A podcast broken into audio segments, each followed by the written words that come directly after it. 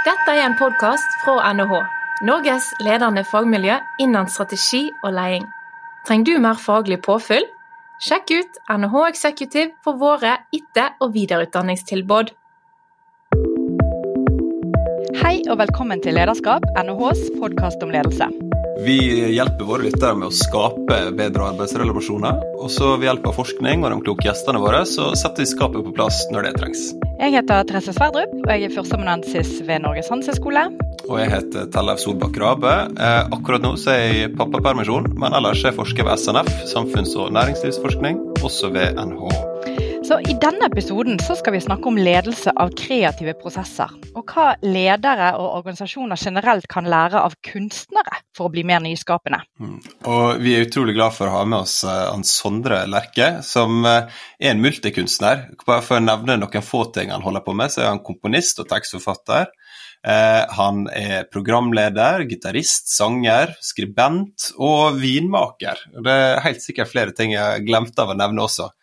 Eh, han er 40 år gammel i år, men han har allerede nesten 30 års erfaring ved å lede kunstneriske prosesser. Velkommen til en ny episode av Lederskap. Og klikk abonner om du har lyst til å få med deg en ny episode. Vi har masse kjekt på programmet i høst. Og nå, hjertelig velkommen til deg, Sondre. Takk. Wow. Utrolig kjekt å ha deg med, Sondre. Men jeg hadde lyst til å bare begynne episoden litt med å fortelle hvorfor i alle dager skal ledere lytte til en kunstner som deg, Sondre. Ja, det, det må du fortelle meg også. ja, sant. Eh, for vi har jo stort sett hatt forskere og praktikere inne, som vi kaller de, disse lederne. Eh, og så satt jeg her i vår sammen med kjæresten min og hørte på 'Avatars of Love'. Og så ble vi bare helt blown away av det albumet. Fy søren, det er så mye bra der. Det er så mye som foregår i hver av sangene. De er forskjellige, de har ulike elementer. Så dette var litt sånn herlighet, her må det være noe å lære for oss andre. Hvordan skaper man kreativitet og kreative prosesser, og ikke minst leder det. For vi skjønner jo at du har veldig mange ulike musikere med deg. Det er strykere, det er saksofonister, det er andre sangere. Jøss, dette er interessant. Og sammen med det så kom jeg over noe forskning fra noen andre sånne businessfolk som sier de at nå skal vi ledere og vi som forsker på ledelse, tenke mer det vi kaller art thinking. Våre lyttere vet noe om det som heter design thinking, som er gjerne sånn at du skal gå i en sånn empatifase med dine kunder for å lage bedre produkter. Men det han Sylvain sier er at glem det. Dere skal gå i allianse med kunstnere.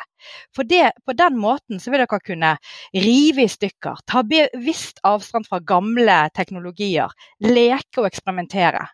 Og dette tenkte jeg yes, jeg tror Sondre ligger i det landskapet. Det er sånn han holder på. Så dette er det vi har lyst til å bore eh, sammen med deg i. Så hvordan skaper du, og hvordan leder du disse kreative prosessene? Så for det første, da. Det å skape selve denne kunsten. Mm. Eh, albumet med Avatars of Love. Du har snakket om at det er det største, modigste og mest komplekse du har gjort. Men at det på samme tid var det enkleste, mest naturlige og befriende. At du var en slags følelse av flyt. Så hva gjorde du, og hvilke knapper trykket du på for å komme i den? Det er det vi blir så nysgjerrig på. Altså Det er jo det som er den store utfordringen i kunsten. er at Hadde du visst uh, akkurat hvilke knapper du skulle trykke på, så hadde du bare gjort det. Ikke sant? Til og med Leonard Cohen sa jo det at liksom, hvis, uh, hvis, han visste hvordan han kom til de beste låtene, så hadde han gjort det oftere. Ikke sant? Så, så um, det er klart at uh, for meg så føles jo 'Avatars of Love' som kulminasjonen av kanskje 30 år med å prøve å, å, skrive sanger. Og jeg har jo fått det til i gode øyeblikk, og jeg har fått til å lage gode plater, og jeg har lært uh, mye gjennom å gjøre det, først og fremst. da. Jeg begynte å prøve å skrive sanger da jeg var åtte år, så det har jo vært en sånn livslang uh, besettelse å prøve å, å, bli god på det og bli bedre på det. og og kunne legitimere det å skulle gå på scenen, på en måte. Altså ha noe å gå opp på scenen. Jeg ville alltid Jeg elsket å opptre, men jeg, jeg ønsket også å, å, ha et eller annet som gjorde at uh, jeg kunne forsvare å, å, være der, på en måte. Uh, og det er jo en Det har jo jeg fått gjøre i veldig lang tid. Og det er noe som jeg alltid har bare ønsket å bli bedre og bedre på. Så, så sånn sett så er det jo liksom Jeg vet ikke. Avatars of Love har føltes som, som kanskje at, at det er kulminasjonen av, av alt, alt, sammen, da. Og at eh, sånn sett så, så, er jo kanskje lærdommen å, å, bare gjøre greien sin, på en måte. Men det er litt kjedelig råd. Fordi at, uh, fordi at uh, det, det, det, er jo det, det, er jo prosessen, på en måte, som som er utfordringen. Men det er jo også et eller annet med det der med at hvis man, hvis man har glede i prosessen, så, så, så, så, kommer jo det til å gå bra. For det uh, Hvis du bare tenker på målet, på en måte, så, er det jo lett å, å miste fokuset på liksom den gode, si, den gode hverdagen i, i, musikken og i kunsten. Men, Men, uh, ja. For dem som eh, ikke kjenner det så godt, så er du ja. veldig tydelig på at du har gitt ut en, en lang rekke med plater. Altså er du, er du, på ti studioalbum nå? Ja, jeg tror Avatars er tiende. Mm. Ikke sant? Så ti studioalbum på uh, en karriere for en 40-åring er jo i seg sjøl fryktelig imponerende. Uh, men jeg, jeg, må jo også nevne personen at jeg er jo stor, uh, stor, fan av musikken din, og for min del var det et sånn taktskifte med det soloalbumet, eller nei, ikke soloalbumet, det selvtitulerte albumet mm. Sondre Lerche, som kom i 2011. Så det er jo mm. et drøyt tiår siden. Eh, hvordan vil du se på det? Vil du si det enig at det var et taktskifte i karrieren din? Ja, det skjedde et eller annet der.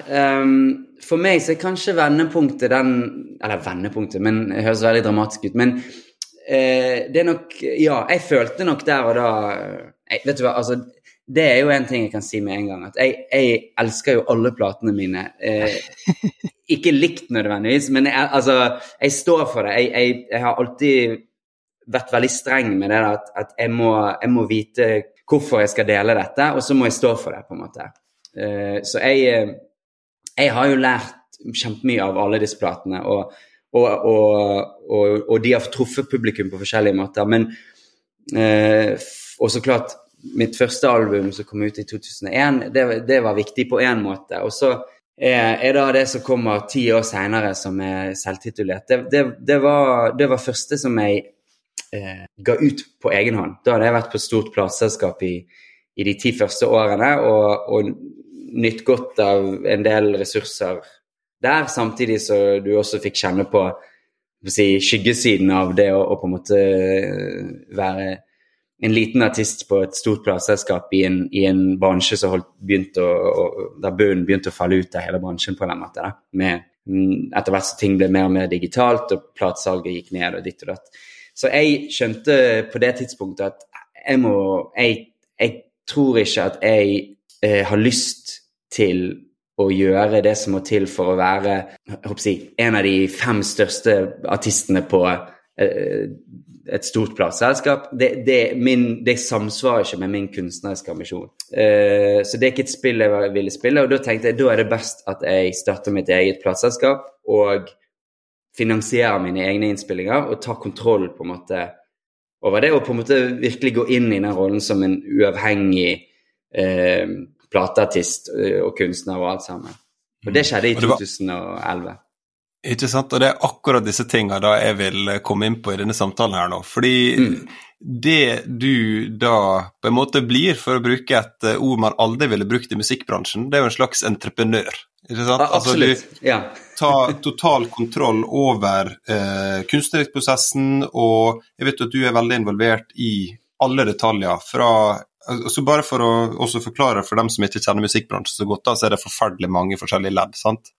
Kan ikke du altså Du kan jo si, bare veldig kort oppsummere, når du spiller en låt, hvor mange forskjellige mennesker tar på det arbeidet før det, før det når en lytter? Ja, det kan du si. Det, det, er jo uh, På Avatars of Love så er det jo på en måte mer ekspansive innspillinger enn noen gang. Så det, det, det, er jo sånn sett det mest omfattende. Og da er det jo Altså, den som først tar på det, og sist tar på det, er jo meg. Uh, så jeg skriver jo alle disse sangene alene, og da sitter jeg jo bare med en gitar på kneet uh, i en ganske sånn nedstrippet og romantisk setting, på en måte. Altså den lidende kunstneren med gitaren i, i fanget, liksom. Og så spiller jeg inn eh, Eller det blir en låt som jeg jobber med på, på voice memos på iPhonen min. Så liksom den, den, første delen av prosessen er veldig sånn sett veldig sånn naken. da. Jeg skriver en sang, og jeg skriver den ganske grundig og, og, og, strukturerer den, og så tar jeg den i studio. Og da har jeg over de siste ti årene så har jeg på en måte utviklet forskjellige relasjoner til forskjellige produsenter og musikere og folk som har studio. Da. Så jeg har jo på en måte også ser jo på meg selv Jeg er jo koprodusent på en måte på alt jeg gjør, for det er jeg som på en måte initierer og følger prosessen og, og, og driver prosessen hele tiden. Men, men, jeg lener meg også så klart da på, på musikere og produsenter. Eh, men jeg og ser på meg selv kanskje nesten mer som en kurator, på en måte, fordi jeg tenker denne sangen har jeg lyst til å ta til denne personen. Jeg tror denne mm. personen har noe å tilføre. Og disse mm. musikerne nei, denne har jeg lyst til å sitte alene med. Denne har jeg lyst til å, å sende rett til en arrangør og lage stryker, og så har jeg lyst til å bygge produksjonen rundt det. Så jeg sitter hele tiden da og tar valg eh, som noen ganger er på en måte et, et, skudd i blinde som treffer, og noen ganger så er det veldig målrettet. En veldig sånn sterk intuisjon at denne her kommer til å vokse godt i, i dette miljøet. Så jeg, Avatars of Love er jo spilt inn i samarbeid med fem forskjellige eh, produsenter, som alle jobber eh, jeg, separat, men eh, sammen med meg. da. Eh, og, og, det har jeg bygd opp over de siste ti årene, de relasjonene som, som, som gjør at jeg, jeg, føler at jeg har veldig mange gode redskaper da, for å, å, å fullbyrde låtene i studio. Mm. Men så igjen, så har du da masse forskjellige produsenter, forskjellige studiomusikere. Du har så inne noen som mikser låter, justerer mm. på nivå og sånt på de mm. ulike instrumenter. Noen som mastrer, og liksom glatter ut, mm. gjør det pent. Så har mm. du eh, albumcover, som du har vært mm. involvert i prosessen med. Og så har du selvfølgelig sant, en bookingagent som fikser mm. live-ting, og du har eh, management som fikser mange andre praktiske ting. Ja, altså det som er nytt, eh, eller nytt og nytt, eh, men eh, siden pandemien begynte og jeg kom hjem da i 2020, så har jeg vært min egen manager også da, i ah. Norge. Så, det, ja. så, så, så, nå er jeg på, snart på tredje år som manager for Sondre Lerche, og det, det går ganske bra. ja, det ser ut til å gå kjempebra. Men du har også ikke sant, du har du promoagent mm. og, mm. som gjør publisitet. Altså, det, det, er likevel veldig, veldig mange forskjellige personer som er involvert i det som bare heter Sondre Lerche. Så, ja, og, og, og utfordringen er, jo, er, jo, på en måte at det ligger på en måte retning bak alle disse valgene. Ikke sant? At, at der har jeg eh, lært si, lært og feilet og gjort erfaringer i de første ti årene av min, min karriere da jeg var på stort plateselskap, så var jo jeg mest opptatt av musikken, og alt, alt, annet på en måte lot det litt flyte. Og da blir det jo lett at andre tar valg. Og så, når de valgene er tatt, og du plutselig står der som en klovn i en eller annen musikkvideo eh, som ikke du kjenner deg igjen i, så er det jo bare fordi at du selv har ikke fulgt med i timen, ikke sant? Noen har måttet ta valget for deg. Uh, og det har ikke de gjort nødvendigvis for, for, at du skal bli en annen enn den du er, men det er bare hvis du selv ikke sitter ved roret i, i alle disse situasjonene, så, så, så, blir valgene tatt. Og så er du plutselig på en fotosession som du, eh, du helst skulle fått slippe. ikke sant? Så jeg gjorde mange av de erfaringene eh, på ganske udramatisk vis, men i de ti første årene når jeg var på Virgin Records og, og Amy Records og sånn. Og så er det på en måte i de ti neste når jeg på en måte begynner å, å ta grep sjøl. Eh, ikke bare om det kreative, da, det har jeg på en måte alltid hatt som, som en, sånn, en sånn kampsak. eller noe som jeg, Den kreative prosessen har jeg alltid vært veldig sånn beskyttende overfor. Men, men, når jeg da begynner å ta kontroll, litt sånn som Tellef sier, på, som entreprenør, så er det jo klart at da, da begynner jeg også å se vanvittig potensial for Shit, uh, hvordan, hvordan, kan jeg uttrykke mer eh, Eller utdype musikken gjennom kunsten du har på coveret, gjennom musikkvideoer, gjennom iscenesettelser på scenen. Gjennom eh, alle disse andre tingene som jeg har vært litt sånn blind for i, i de tidlige årene. Altså, og det har jo vokst på seg. Eh, og, det, og, så klart, der også kommer jo alle ideer eh, Eller alle grunnideer, alle initiativ kommer jo eh, Må jo komme fra meg. Jeg, på en måte, jeg, jeg jobber jo med mange folk som er full av iver og, og, glede og lyst, men jeg kan ikke forvente at noen skal ha mer glede og iver og lyst enn jeg har. Så jeg, jeg må på en måte plante den energien eh, i, i, hele teamet rundt meg. For det, eh, det, er, det, er, nok bare jeg som ligger våken om natten og, og, tenker på det. Og sånn skal det være, på en måte. Eh, og så er det jo gøy med folk som, som gir mye, og kanskje gir mer enn en, en det du, du, kan forvente. Da. Men, men eh, ideen og initiativet må jo komme fra meg, og så skal vi videreforedle det sammen. Da. Og da, da har det vært veldig gøy for meg å begynne å tenke visuelt og, og jobbe med forskjellige kunstnere. og sånn. nå på Avatars of Love så, så jeg, eh, gikk jeg til Nicolai Torgersen og spurte om han ville tegne hele platen. Og så ble det både et albumcover og en hel serie og en kunstutstilling og, og sånn. Og det eh, da, gjelder det bare å stole på sin egen på en måte, eh, følelse om at dette kan bli bra, og så, og så gå, gå, til verks. Og så håpe at folk, eh, de folkene du, du, tar kontakt med og hyrer eller spør om disse tingene, også eh, følger opp og, og leverer. Da. Men eh, jeg prøver virkelig å motivere alle som jeg jobber med. Eh, for de har, jobber jo som regel med tusen andre ting. Jeg er jo den eneste som kun jobber med mine ting. ikke sant? Så jeg, jeg eh, det, det, krever at jeg, jeg, eh, Det krever ikke at du hele tiden vet hva du vil, og det er helt fint å være åpen på at noen ganger så, så leter du bare etter et, eller annet så ikke du vet hva er. Da. Det, sånn er det jo veldig mye, men, men eh, entusiasmen og liksom, denne viljen til å gjøre noe, den, den er den, må, den, er smittsom. Så jeg tenker at det, det, det, det er ikke dumt å være den, den mest eh, begeistrede personen i ethvert rom du går inn i, liksom. Nei, men Bare for å gå tilbake til det med den kunstneriske prosessen, som du sier. Ja, Det har tatt deg 30 år til du kom kall det til Avatars of Love og, mm. og den produksjonen der du sier der brukte jeg liksom hele meg og alt jeg har erfart. Og så plukket jeg opp at det du sa underveis, du må ikke fokusere på målet, men du skal ha det gøy underveis. sant? Mm. Så sitter du da i produksjonen av, av, selve materialet alene med gitaren. Mm. Så for meg får jeg sånn OK, så hvis vi skal overføre dette til næringslivet, da, der jobber man jo i team hele tiden. Men man mm. begynner gjerne å jobbe i team. Men det du egentlig sier, er at jeg må begynne alene. Mm, og så absolutt. kan jeg ta det over. Og det, det, er noe jeg, når jeg snakker om teamarbeid, prøver òg å si til folk at dere, vi er for lett inn i team. Eh, altså at vi sitter sammen og prøver å drodle sammen. Men det å sitte alene og være i sine egne tanker og dra på det, tror jeg noen kunne lært av deg, da. Altså, hvordan, hvordan jobber du da for å stå i, i den, den, tanken eller den prosessen? Mm. Ja, altså det er, jo, det er jo det som er min prosess, og det er jo på en måte det mest dyrebare jeg har. Det er jo den, det er jo den prosessen jeg begynner å dyrke når jeg er åtte år, på en måte. Og mm. sitter. Mm. Jeg ville bare være alene. Mm. Jeg, eh, jeg prøvde Det er personligheten din? Nei, altså, jeg vet ikke. Altså, jeg prøvde å samle folk og spille i band, men det var jo ingen som, som eh, var like giret som meg. Og det var ingen som gadd å lære seg å spille instrumentet heller. ikke sant? Så jeg lærte liksom eh, da ganske raskt at hvis du vil ha noe gjort, så bare gjør det sjøl. Sitt alene med det sjøl. Og, og, jeg hadde kanskje den fordelen at jeg likte veldig godt å være for meg sjøl.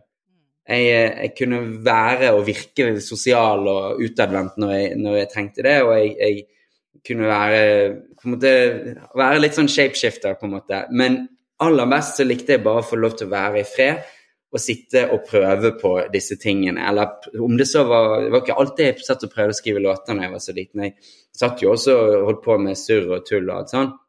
Men, men jeg likte veldig godt den prosessen. Og så likte jeg det når jeg da i tenårene begynte å få til å skrive litt låter, og ting ble litt og litt bedre. Og så likte jeg jo veldig godt så klart å, å, få respons på det, og kunne gå på en scene eller møte en produsent som faktisk zoomet inn på det jeg gjorde. Så det er klart, ingenting skjer jo i et vakuum der du jeg, jeg også trengte jo respons og sånn, og i studio så jobber man i team, helt klart. Men, men for meg så er det liksom hellig det at jeg, jeg går ikke i studio med en for å redde en låt som ikke er bra. Jeg, jeg, skri, jeg sitter og, og, og, hamrer i, den låten til jeg syns den er bra, og så går jeg i studio. Det er ikke, det er ikke, det er ikke aktuelt å, å, på en måte få noen andre til å redde, redde noe som jeg vet ikke er godt nok, liksom. Men, men den prosessen alene, hva, hva, er din hemmelighet annet enn å si at det liker jeg? Men har du noen triks? Liksom, blir ikke du fristet til å gå inn på vg.no og bare prokrastinere? Oh, eller gjør jo, jo, jo. Herregud. Ja. Og det, det, altså, alt det der Det er ikke sånn at du sitter bare med stålfokus hele tiden. Men jeg har lært meg rett og slett å For jeg, det tror jeg vi alle som sitter og jobber alene, vi skammer oss over hvor ofte vi blir distrahert. ikke sant? Og vi skammer oss over at ja, Særlig hvis folk sier 'Å, gud, så flink du er', og så tenker du bare 'Å, du skulle bare visst'. Du skulle bare visst hvor, hvor, hvor jeg var dratt i alle mulige retninger. Og det husker, altså når jeg satt og skrev 'Avatars of Love', eh, så, så var jeg kommet til et sted kanskje der jeg følte at jeg skal ikke skamme meg over noe, og jeg skal ikke skamme meg over å, å ikke være alltid helt fokusert. Så jeg, jeg husker jeg tok pauser innimellom når jeg skrev den låten som heter 'Dead of the Night', og så så jeg på eh, 'Ikke lov å le på hytte' på, på, på VGTV. Og så tenkte jeg faen, det, det skal jeg Det, det er lov. Jeg, jeg, jeg sitter her og disponerer denne tiden. Eh, det er et eller annet, da er det jo jeg liker å være alene eh, og sitte for eksempel, Da satt jeg på hybelen i Bergen. Jeg har alt jeg trenger rundt meg. Jeg har snacks, jeg har gitaren og jeg har datamaskinen. Jeg kan bruke den til å skrive og spille inn, og så innimellom så er det kanskje rett og slett sånn at det er helt menneskelig også å trenge idiotiske distraksjoner. Eh, Så klart, sosiale medier er jo en helt eh, håpløs og perfekt distraksjon. ikke sant? Som, som jeg noen gang, altså Hvis plutselig tenker du 'herregud, så mye Nå har jeg brukt mer tid på, på det på Instagram enn på å lage sangen'. ikke sant? Så de, Det er ikke sånn at jeg, jeg eh, har levd et liv der jeg har gått fri av alle de tingene, men jeg tror jeg har lært å omfavne litt at ok, det er også, livet er også distraksjoner og, og, og, og tid som ikke er brukt optimalt. Men eh, jeg, jeg, er jo veldig drevet av um, et, eh, liksom, tilfredsstillelsen av å gjennomføre ting. Så det, det merker Altså, jeg, jeg, jeg har en veldig sånn Jeg får en veldig nytelse av å gjennomføre selv den minste ting, altså. Eh, og det, det driver meg nok litt også når jeg er kommet inn i det, og det er kommet i siget. Så, så gir det meg bare sånn lykkefølelse og, og at ting blir til noe, da. Jeg, jeg, har tidligere jobbet med folk, ikke i studio, men, men i eh, musikkbransjen, som er kjempeflinke, men som eh, har tusen gode ideer, men ingen evne til gjennomførelse. Og det, det er en av tingene som jeg har bare merket at det, det orker jeg bare ikke. Jeg, orker, jeg vil heller høre én god idé som blir gjennomført, enn ti gode som ikke blir gjort noe med. Så jeg, jeg, jeg har dyrket det veldig de siste årene, de siste tre-fire årene, etter hvert som jeg har tatt over også som litt manager sjøl. At på en måte jeg, Hvis jeg har en god idé, så har jeg lyst til å Eller god Man vet ikke om det er en god idé, men jeg har lyst til å forfølge den så langt jeg kan. Og det har vært lettere når jeg selv sitter helt ved roret og bare forfølger en, en idé til enten du gjennomfører den, eller du bare oppdager på et eller annet tidspunkt at shit, dette går ikke. Det er for dyrt, ideen er for dårlig, jeg har ikke ressursene som skal til, eh, jeg har ikke tid, jeg må fokusere på noe annet. Altså Det kan være tusen grunner til det, men da har du iallfall sjekket den ut, og så kan du bare krysse den fra listen. Og det, det med gjennomførelse, det, det driver meg veldig, for det, det, det, det gir en sånn her god følelse som jeg føler du bruker på neste prosjekt eller neste idé. Det, det, du sender noe videre, da. Ja, for et album er jo et litt sånn prosjekt som avslutter, sant? eller så turneres det, og så går man videre. Men at det, det blir en sånn syklisk måte å jobbe på. Men Ja. der er jo du vanvittig produktiv. Uh, så, så har jo sånn kritikerrost album kommet uh, nesten ett i året, men si annethvert år, da. Står det har vært, eh, som er vanvittig output for eh, de aller fleste musikere. Um, men eh, hva tenker du når, du når du har så høy Du stiller så høye krav til deg sjøl. høres ut som du er veldig opptatt av at liksom hver låt skal kunne stå på egne bein før du tar det med deg til studio. Eh, blir ikke du nesten litt sånn overvelda over eh, det å skulle lage en ny plate som liksom eh, eh, der alt skal sitte i så stor grad. Man skal nesten sånn finne opp seg sjøl, nye konsept, nye ideer, er forventning om fornying, og ikke minst det at man er avhengig av å rett og slett være populær og godt likt, og at noen syns du er kul blant liksom ja, realistisk sett mange hundre tusen mennesker da, for å få det til å gå rundt. Er det, hvordan går du inn i det?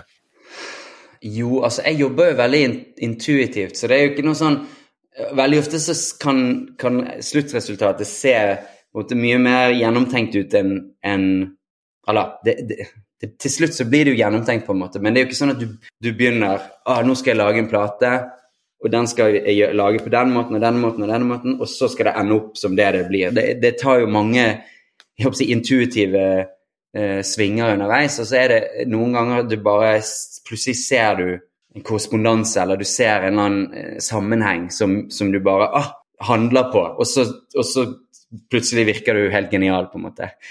Så det, så det handler om å hele tiden være våken i prosessen. Men når det gjelder det der med liksom å, å ha en Altså, jeg har alltid følt meg veldig privilegert som, som har utløp for alt dette, og, og, og, og, også et publikum. Men jeg har liksom dyrket veldig det at uh, jeg uh, jeg må først og fremst tilfredsstille meg sjøl i prosessen. Og da må jeg eventuelt tåle at, at noen ganger så ikke det du lager, relevant for et stort publikum. Uh, jeg har jo lyst til at alle skal høre det, og jeg har lyst til at alle skal omfavne det. Altså, jeg, så det er ikke det at jeg liksom Jeg vil jo kommunisere med så mange som mulig, men jeg er ikke villig til å gjøre noe kompromiss i musikken uh, for å gjøre det. Rett og slett fordi at uh, jeg, jeg, Det gir meg ikke en god følelse. Så, så, så jeg har liksom over tid bare lært det der at på en måte eh, Jeg leter etter en følelse i meg sjøl eh, som ingen andre kan gi meg.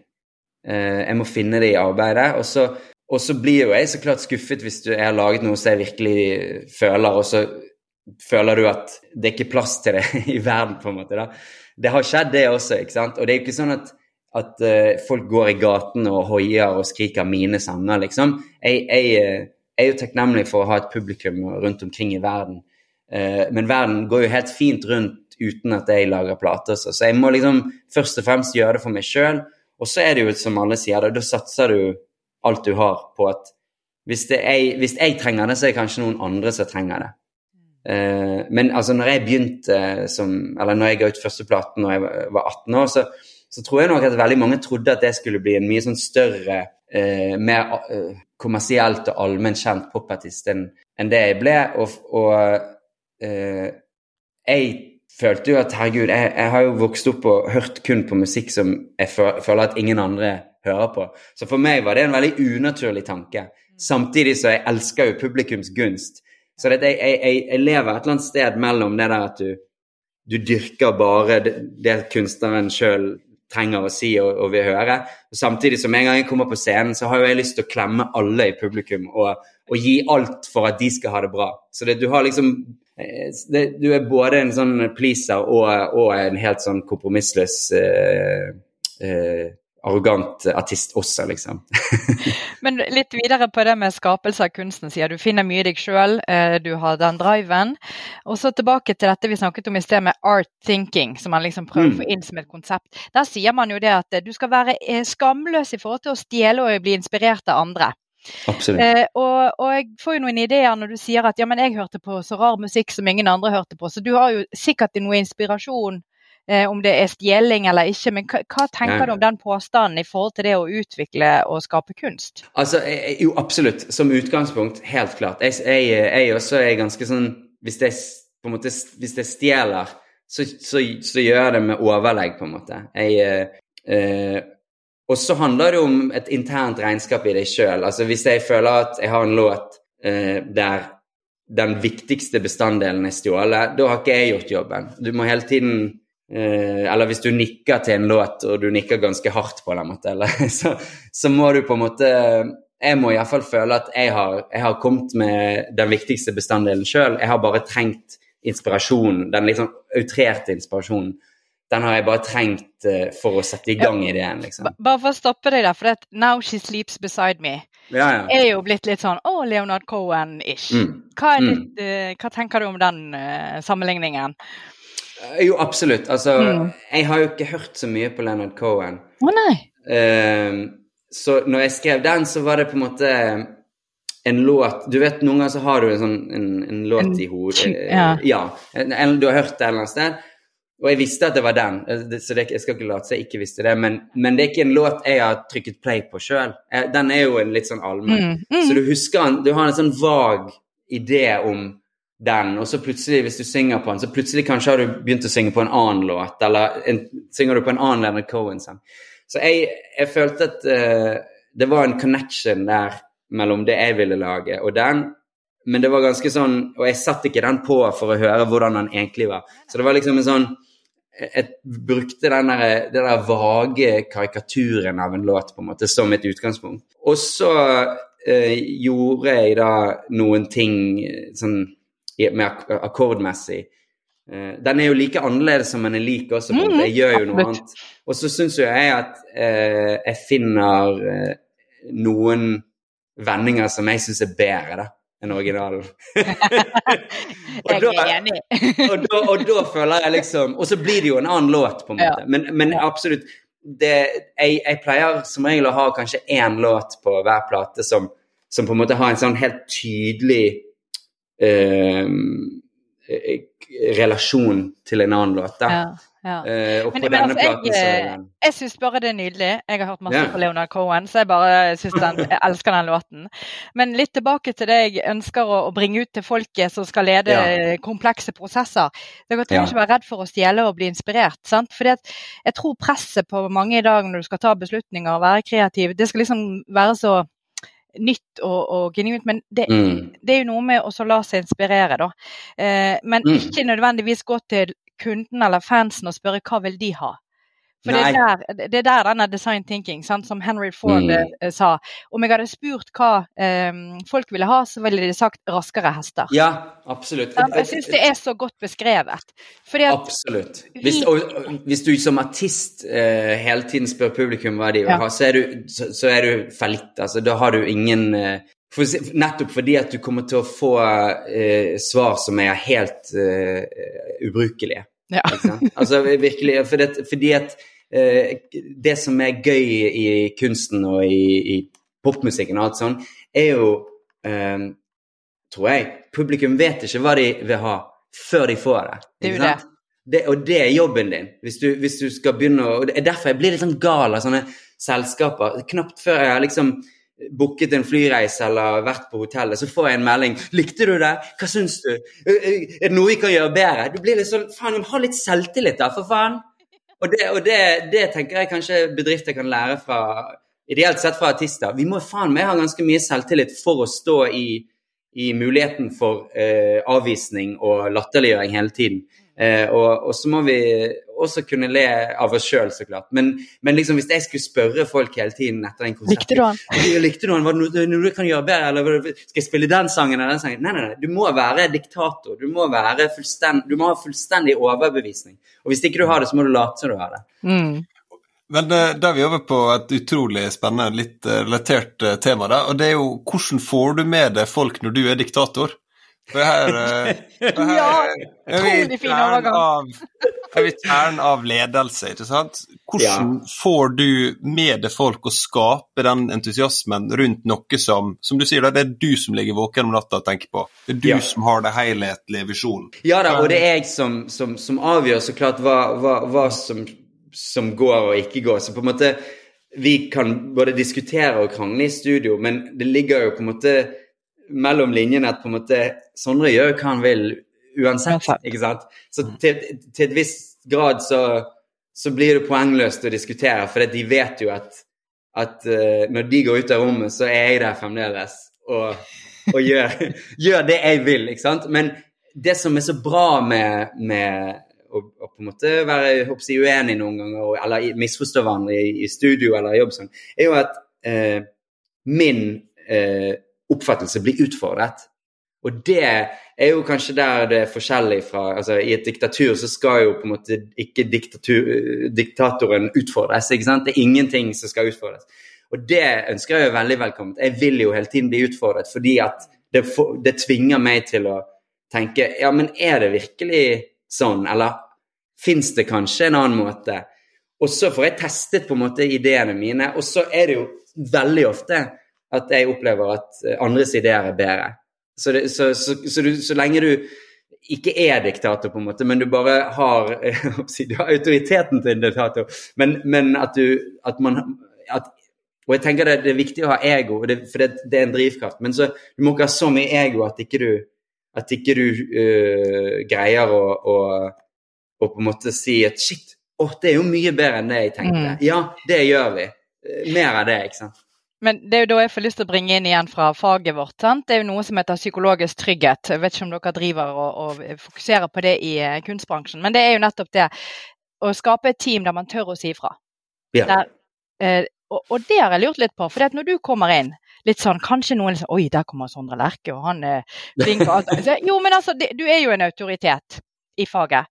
Og så hvis noen er nye og skal jobbe med deg, hva, hva, gjør du da for at de skal føle seg trygge til å si nei, det syns jeg er en dårlig idé, eller nei, jeg, har, jeg ville heller gjort det sånn. Er det noe du har et bevisst forhold til? Ja, Det, det syns jeg er vanskelig, fordi at jeg, jeg merker veldig lett hvis folk uh, jatter med. Og det, og, det, og det, skjer jo, på en måte. Men uh, det er jo egentlig veldig sånn ubrukelig for meg. Ja. Altså, jeg, det har ikke jeg noe tid til. Uh, og det gjør jo at på en måte de jeg jobber med, er jo folk jeg har bygd relasjoner med vel, over veldig lang tid. Så på en måte, De jeg jobber med på Avatars of Love, de har jo jeg, altså eldste produsenten som jeg jobber med der, han har jeg jobbet med i 20 år. Han var gitaristen på Faces Down-platen, og mm. vi har produsert plater sammen i, i 20 år. Mathias Telles, som jeg jobber med, han, han eh, har jobbet med i 10 år nå.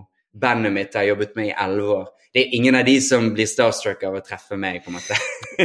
ikke sant? Ja. Og så har jeg begynt å jobbe med litt noen nye folk inn, men de tar du på en måte inn i gjengen.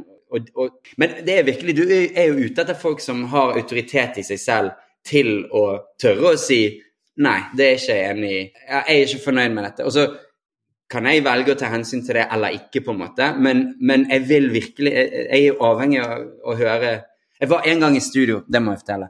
En gang så helt på slutten av når jeg var i, på et stort plateselskap, og de skulle bruke de siste 100 000 dollarene eller hva det var, før hele platebransjen gikk til helvete, eh, på at jeg skulle være i studio i USA for første gang. Da hadde jeg ikke gjort noe plate utenfor Bergen. Og de ville at jeg skulle jobbe med amerikanske produsenter og litt sånn, og det tenkte jeg ja, kult, det er gøy, det. Men det, der koster det mye mer. De brukte masse penger på det.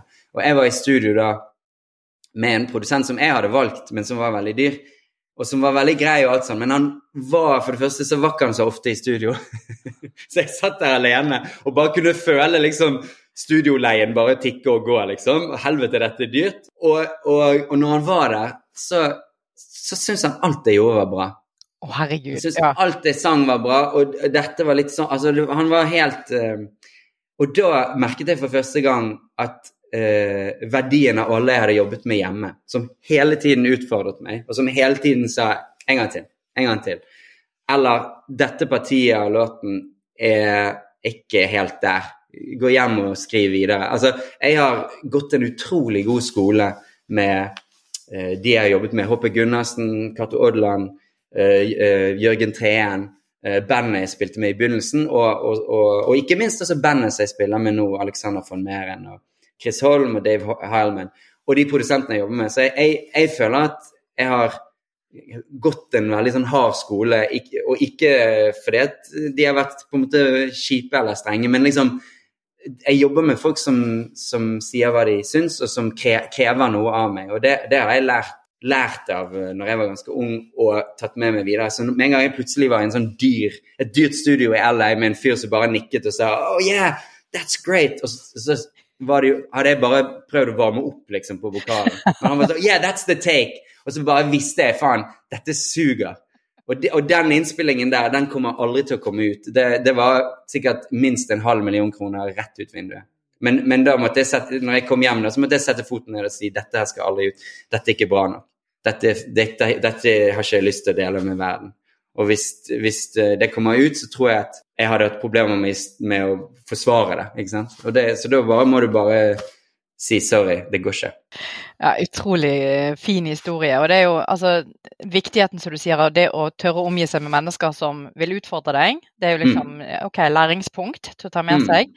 Eh, men så syns jeg jeg har lyst til å bore litt i det der med det. Du har jo lyst til å ha Eller elsket begrepet diktatoren. Altså kontroll, mm. sant? Mm. Og når vi snakker om teamarbeid også, så snakker vi om det at um, du har det spennet mellom kontroll og frihet. For vi mm. vet at mennesker som skal jobbe sammen, de må ha frihet for å bli motivert. Det er ikke ja. noe sånn Nei, du spiller E og F, eh, eller hva dere sier. Mm. Men, men, sånn som uh, OK, han saksofonisten, da. Dette har jeg diskutert med kjæresten min. sant? Mm. Eh, er det Kjetil han heter? Kjetil Møster. Ja, Kjetil mm. Møster. sant? Ja, det er så gøy å jobbe med Sondre, sier han. Fordi at jeg, han, han pusher meg og pusher meg. Altså, du, du gir vanvittig frihet, virker det som. Dette er uttalt fra Mm, mm. Kjetil Møster. Eh, samtidig som du egentlig vil ha kontroll. Og, og hvordan er det mulig? Nei, altså fordi at jeg beundrer jo alle disse musikerne jeg spiller med. De er jo, de er jo helt fantastiske. Kjetil er jo en, en, altså han er jo en luksus. Han kommer jo ofte da inn eh, veldig mot slutten av prosessen. Og da det, kommer han inn på en ganske stødig eh, plattform, på en måte. Da, da er vi nesten i mål. Og så skal vi bare ha prikken over i-en. Og da har jeg gjort litt plass i låten, ikke sant. Og så sier jeg Og han er jo? Han er en stor improvisator. Så det, hvis jeg skulle på en måte detaljstyre hva han skulle gjort, så er jo det Altså, da, da, da er jo det bort, Det- Da kaster jeg bort ja. tiden hans. Ja, det skjønner jeg. Men samtidig har jo du tenkt jeg vil ha en saksofon inn. Mm. Men har du ikke tenkt hvordan sånn cirka det skal høres ut? Er du helt blank, eller er, hva Nei da, ikke helt blank. Jeg, jeg, jeg, jeg har jo jeg, Du kan si sånn Jeg vet hvilke effekter jeg ønsker det skal ha, men jeg vet Ja. ikke helt hva som skal skje. Ja, Så hva instruksjon det- gir du han da? Hva sier du til han? Altså, her er greien som er det der med kontroll og, og frihet. Eh, med alle musikere tror jeg liker å få frihet i begynnelsen eh, til å, å finne og forstå låten sjøl på egne premisser. Og så Så det handler litt om å, om å ikke overøse dem med instruksjoner og, og, og tanker, for du vil ikke låse dem for tidlig. Eh, så, så selv om jeg har kanskje Noen ganger har jeg en veldig klar idé, noen ganger ikke. Men jeg pleier ofte å prøve å vente litt til å se om, om det trengs. på en måte. Noen ganger så faller det bare på plass, fordi at de er så sinnssykt gode, de musikerne jeg jobber med. At det faller på plass, og så blir det enten litt sånn som jeg ville ha det, eller så blir det mye bedre, eller, og helt annerledes. Ja. Når det ikke blir det, når du har gitt den friheten, da kan du begynne å si ja, altså, jeg hadde egentlig tenkt at det kanskje kunne være sånn. Jeg, jeg syns tempoet er for lavt. Jeg syns den grooven er feil. Uh, jeg tror at vi skal fokusere først på trommene, og så på Altså, det, for noen ganger så har du en idé om at vi skal spille det inn sammen. Noen ganger så, så er det best å bare sitte der alene, f.eks. meg og, og Cato eller meg og Mathias, og så seinere ta inn musikerne. Så du, du gjør hele tiden sånne vurderinger på, eh, på hva som er riktig. Og en ting som jeg har lært, og som jeg er litt streng på, det er at eh, vi, må ikke, vi må ikke gå inn i detaljene for tidlig. Det, det kommer en tid for det, og det, det hører jo alle som har hørt Avatars for Love. Det er tusen detaljer, men du har ikke begynt med de, ikke sant. Det viktigste i begynnelsen med enhver prosess er moment.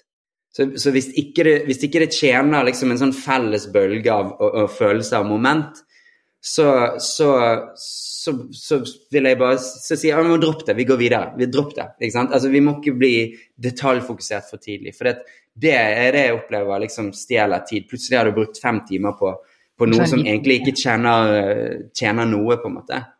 Og det, det er jeg litt streng på. Jeg kan være litt sånn skjære litt sånn krast igjennom i begynnelsen. Eh, hvis, hvis jeg føler at vi som gruppe eller individuelle folk går for, for tett innpå og sier, Dropp det. dropp det. Vi, vi, må, vi må tenke helheten i begynnelsen, for vi prøver å etablere liksom en, en grunnmur. da.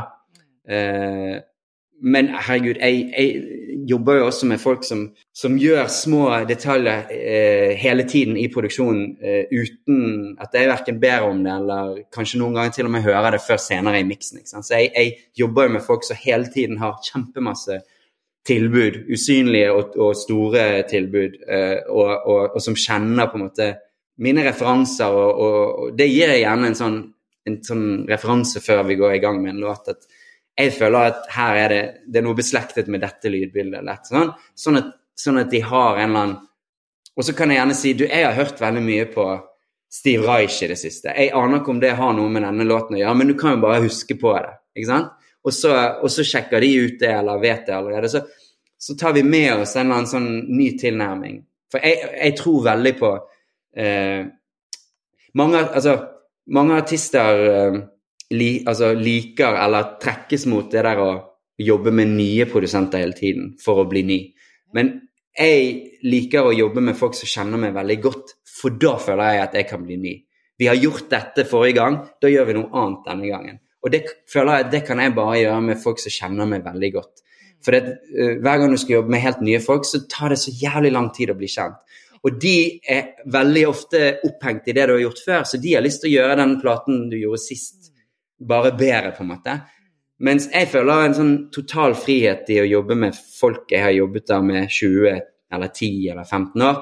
For, nettopp fordi at vi, vi, har et veldig bevisst forhold til det vi har gjort før, og vi vet at, at uh, der har vi vært, vi skal et annet sted nå. Så jeg, jeg, syns ofte at det er litt sånn lånte, lånte fjær, på en måte, det å hele tiden ikle seg en ny produsent som skal på en måte gjøre deg ny.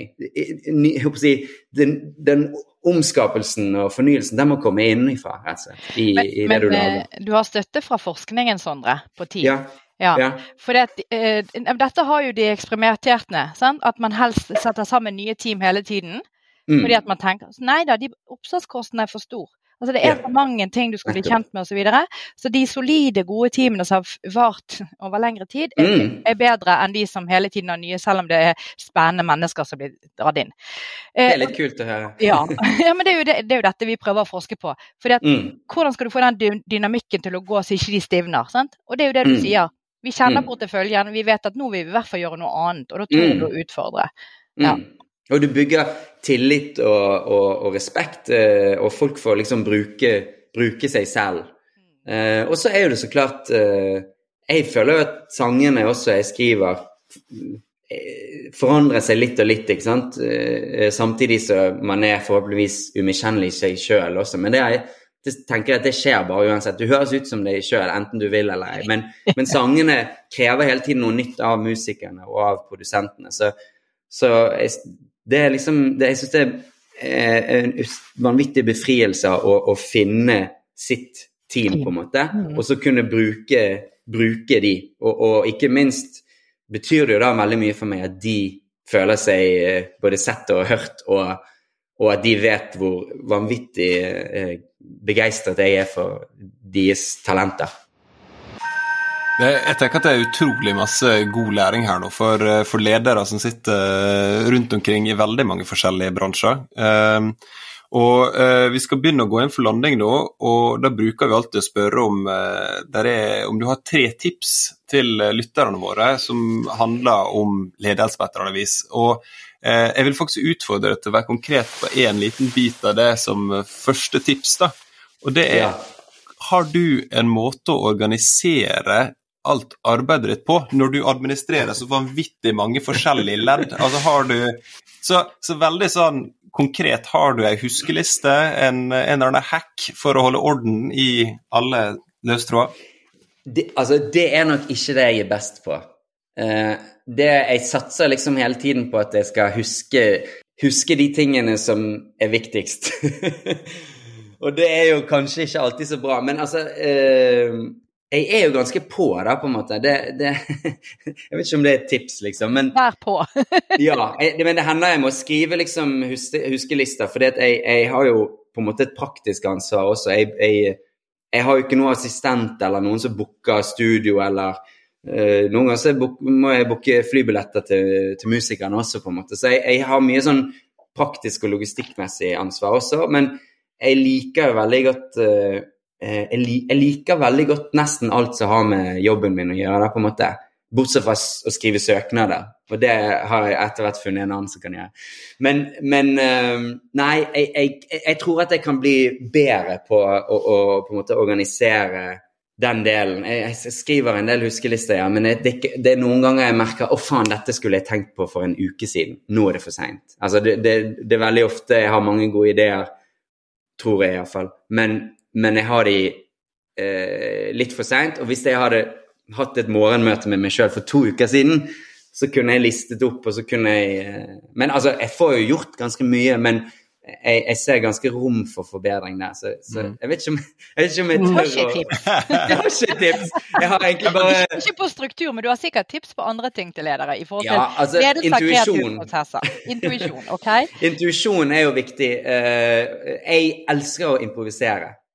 Uh, og det er jo, Så nå kommer jo på en måte motsatsen til uh, nettopp det at det, mhm. fly, det, flyter litt sånn strukturmessig. Mm. Men jeg syns at improvisasjon er det er viktig i musikken, og det er viktig i studio. For det, i, i improvisasjonen så herregud, når jeg skriver en låt også, så kommer jo veldig mye av det fram via improvisasjon. Og så ikke minst i livet. Det der å kunne altså, ha en plan om at i dag skal vi gå på kino, og så ha evnen til å fem minutter før det se faen, det er jo dødsfint vær. Vi går og bader istedenfor. Altså enkle ting sånn som det. Altså greie å, å snu.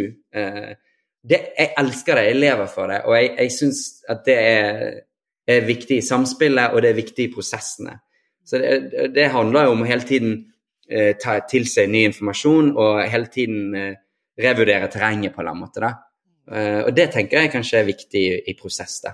Ja. Improvisere. Improvisere og evne til fleksibilitet er vel egentlig ja. du eh, tar der. Nei, men Vi mm, takker mm. for gode tips eh, og ikke minst spennende samtale, Sondre. Og ønsker deg selvfølgelig masse lykke til videre. Jeg gleder meg til konsert i Bergen den 19.11.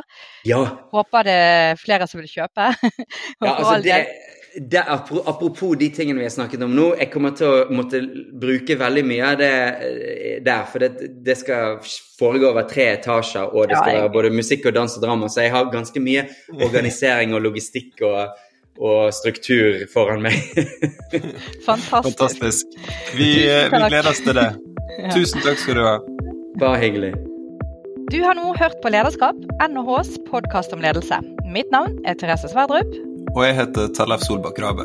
Kom gjerne med tilbakemeldinger eller innspill til tema. Du finner kontaktinformasjonen vår på NHH sin hjemmeside, eller så kan du skrive til oss direkte på Twitter og LinkedIn. Og om du likte det du hørte, så blir vi selvfølgelig veldig glad om du vil abonnere eller tipse til andre venner og kollegaer. Vi høres. Dette er en podkast fra NHH, Norges ledende fagmiljø innen strategi og leding. Trenger du mer faglig påfyll? Sjekk ut NHH Executive for våre etter- og videreutdanningstilbud.